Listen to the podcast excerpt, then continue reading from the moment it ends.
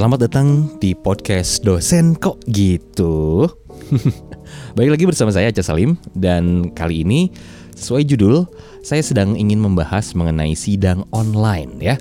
Jadi beberapa waktu kemarin masih sih sebetulnya sampai dengan minggu ini dan mungkin sebelum lebaran nanti eh, mahasiswa vokasi di kampus saya sedang eh, bersidang ya atau akan bersidang demi kelulusannya mereka untuk yang mahasiswa diploma. Nah, sidang online itu seperti sidang biasa. Ya di sidang ada dosen pengujinya, ada dosen pembimbingnya, ada ketua sidangnya dan juga ada mentor industri karena kalau di kampus saya tugas karya akhir mereka itu adalah laporan magang. Jadi mereka magang ke industri dan mereka akan melaporkan kegiatan tersebut dalam bentuk laporan atau paper semacam skripsi tapi nggak serumit skripsi juga, agak-agak mirip gitu ya, walaupun nggak ada bab yang seperti di skripsi sebanyak di skripsi. Eh babnya sama kayaknya dia. Babnya sama, cuman secara penggunaan teori kali ya dan menganalisanya nggak sejauh pada saat skripsi. Gitu deh kalau yang bisa saya simpulkan. Nah, sidang online ini kalau di kampus saya biasanya akan dihadiri oleh tiga orang. Jadi ada dosen penguji, ada kepala sidang atau ketua sidang yang juga merangkap sebagai pembimbing si mahasiswa. Dan satu lagi ada mentor industri di mana ini adalah si pembimbing lapangannya mereka ketika mereka magang atau uh, manajernya mereka di tempat magang kira-kira sih begitu. Itu penjelasannya secara uh, sidangnya ya. Nah, untuk flow kerjanya seperti apa? Nah, pertama-tama biasanya sebelum sidang, para mahasiswa ini akan mengumpulkan berkas-berkas yang diperlukan. Nah, berkas-berkasnya tuh mulai dari uh, surat-surat pernyataan originalitas, uh, lunasan buku perpustakaan. yang kayak gitu kayak gitu deh. Banyak. Tapi tentu saja di dalamnya itu ada uh, PDF dan juga file Word untuk uh, laporan TKA mereka.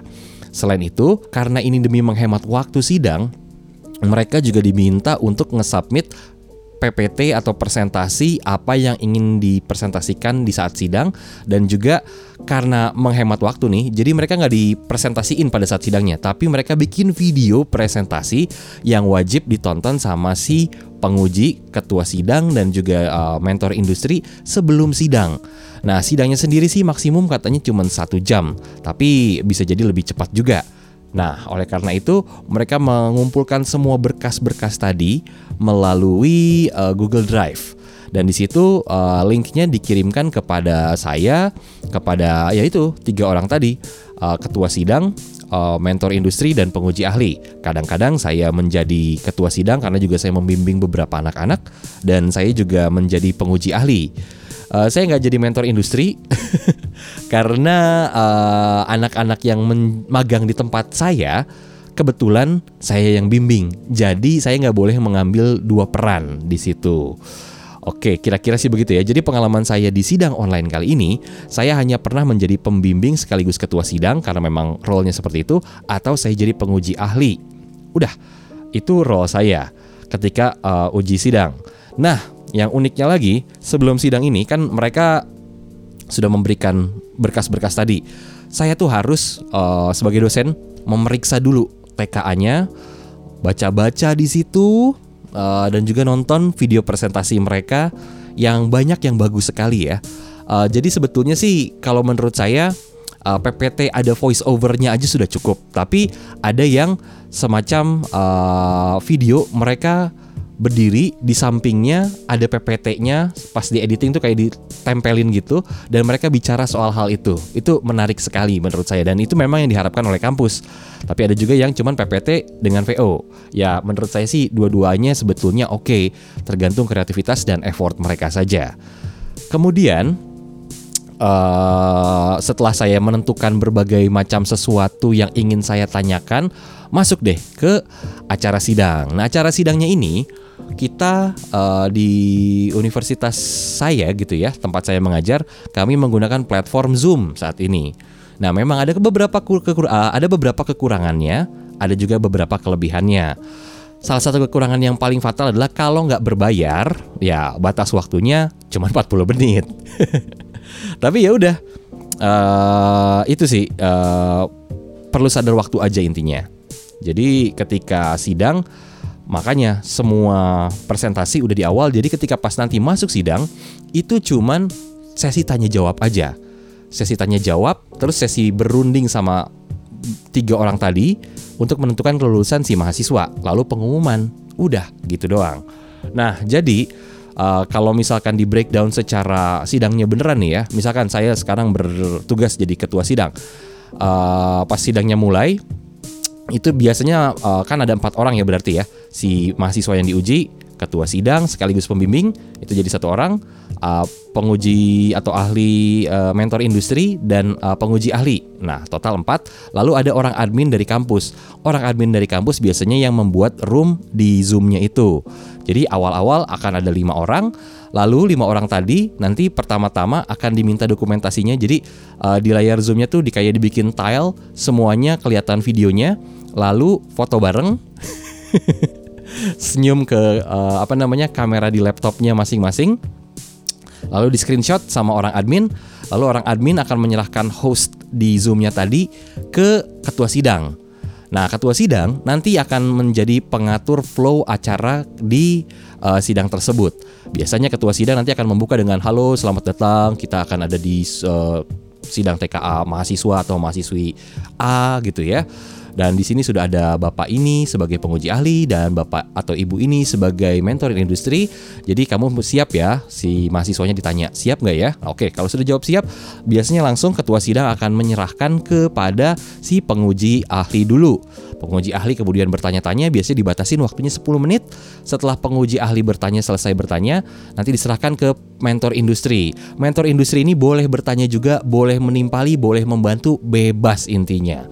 Nah, ketua sidang biasanya nggak ikut tanya karena ketua sidang kan biasanya jadi si pembimbingnya juga gitu ya. Jadi kalau yang ngebimbing ikut meneror anaknya sih kalau menurut saya agak nggak wise juga. Biasanya kadang-kadang membela, tapi kalau dari saya saya nggak pengen ngebela juga, nggak pengen terlihat terlalu obvious bahwa saya mendukung anak saya. Jadi saya nggak berkomentar apa-apa. Saya cuma tanya lagi paling ke uh, penguji ahli atau uh, mentor industri ada yang mau ditambahkan lagi. Kalau nggak ada anaknya akan saya keluarkan sebentar dari ruang Zoom kayak dimasukin ke ruang tunggunya. Kan Zoom bisa gitu ya. Uh, make person go to waiting room. Nah, itu yang dilakukan sama si ketua sidang. Si anak ini akan diminta untuk uh, menunggu sebentar di uh, ruang si uh, tunggu Zoom. Lalu para penguji, ketua sidang, dan mentor industri berdiskusi soal nilai yang akan diberikan kepada si mahasiswa dan ditentukan juga apakah lulus atau enggak. Nah, sampai di situ biasanya udah tuh ya berunding, alot, ada yang nggak alot, ada yang santai-santai aja. Setelah itu biasanya para penguji dan ketua sidang dan mentor industri nanti akan diminta mengisi Google Form. Google Form ini tujuannya adalah untuk pengisian nilai yang nanti akan dikompil dan langsung kayak dirata-ratain hasil akhirnya tuh berapa nilainya apakah A atau B atau C atau D gitu ya ya biasanya sih jarang yang dapat B atau C atau D karena biasanya mereka sudah mahasiswa ini maksud saya sudah uh, berkontribusi dan juga berusaha sangat keras kecuali emang ada hal yang fatal banget dan menjadi pertanyaan dalam karya tulis mereka dan di tempat magang mereka kayak mungkin mereka bertingkah laku yang tidak baik gitu ya. Oke. Setelah itu uh, mahasiswa nih bakalan diundang kembali masuk sama si ketua sidang ke ruang Zoom, ketua sidang mengumumkan. Nah, cuman agak kecewanya di sini ya. Mungkin ada beberapa orang yang kecewa, ada beberapa orang yang ah biasa aja gitu ya. Karena di zaman saya waktu kuliah dulu, untuk penentuan lulus tuh biasanya si dosen-dosen nih suka banget untuk uh, dramatis. Jadi kayak kamu yakin lulus? Kamu yakin karya yang tul kamu tulis ini sudah benar dan sesuai dengan industri? Kamu percaya diri kamu bisa lulus. Karena menurut saya saya nggak terlalu percaya. Wah, mahasiswa tuh biasanya akan bergejolak dan tegang dan ada aja yang kalem, ada aja yang ah ini paling cuma drama, paling ya paling juga ntar saya lulus. Tapi dosen tuh suka kadang-kadang mempermainkan uh, emosi psikis si mahasiswa atau mahasiswi ada gaya personal saya biasanya kalau saya diminta melakukan itu saya sih nggak panjang lebar biasanya oke okay, kamu nggak lulus hah? Apa mas? Gitu ya. Iya kamu nggak lulus. Tapi tapi tapi. Atau mereka diem nggak bisa bicara apa apa mata berkaca-kaca. Ada yang kayak gitu. Saya suka banget. Tapi uh, saya juga nggak pengen melakukan itu keseringan gitu ya. Kamu nggak lulus gitu. Tapi di kata belakang saya biasanya kamu nggak lulus kalau kamu nggak revisi. Gimana mas? Uh, itulah kata si mahasiswa. Gimana mas? Eh gimana? Iya kamu nggak lulus kalau kamu nggak revisi. Jadi mahasiswanya masih bingung. Ada yang udah nangis duluan gitu ya. Ada yang bertanya-tanya dengan muka bingung. Jadi saya sebenarnya lulus atau saya perlu revisi atau gimana nih? Sebetulnya dari kata-kata tersebut cukup jelas. Kalau dia melakukan revisi, ya dia lulus gitu ya. Dan hampir semua sidang TKA nggak ada mahasiswa yang nggak revisi, iya nggak sih? Jadi ya sebetulnya dia lulus, cuman dengan perkataan seperti itu kadang-kadang mental mereka sudah udah down duluan gitu. Ya, kira-kira sih begitu. Nah, ini uh, penceritaan penjelasan dari sisi saya si sidang online ya.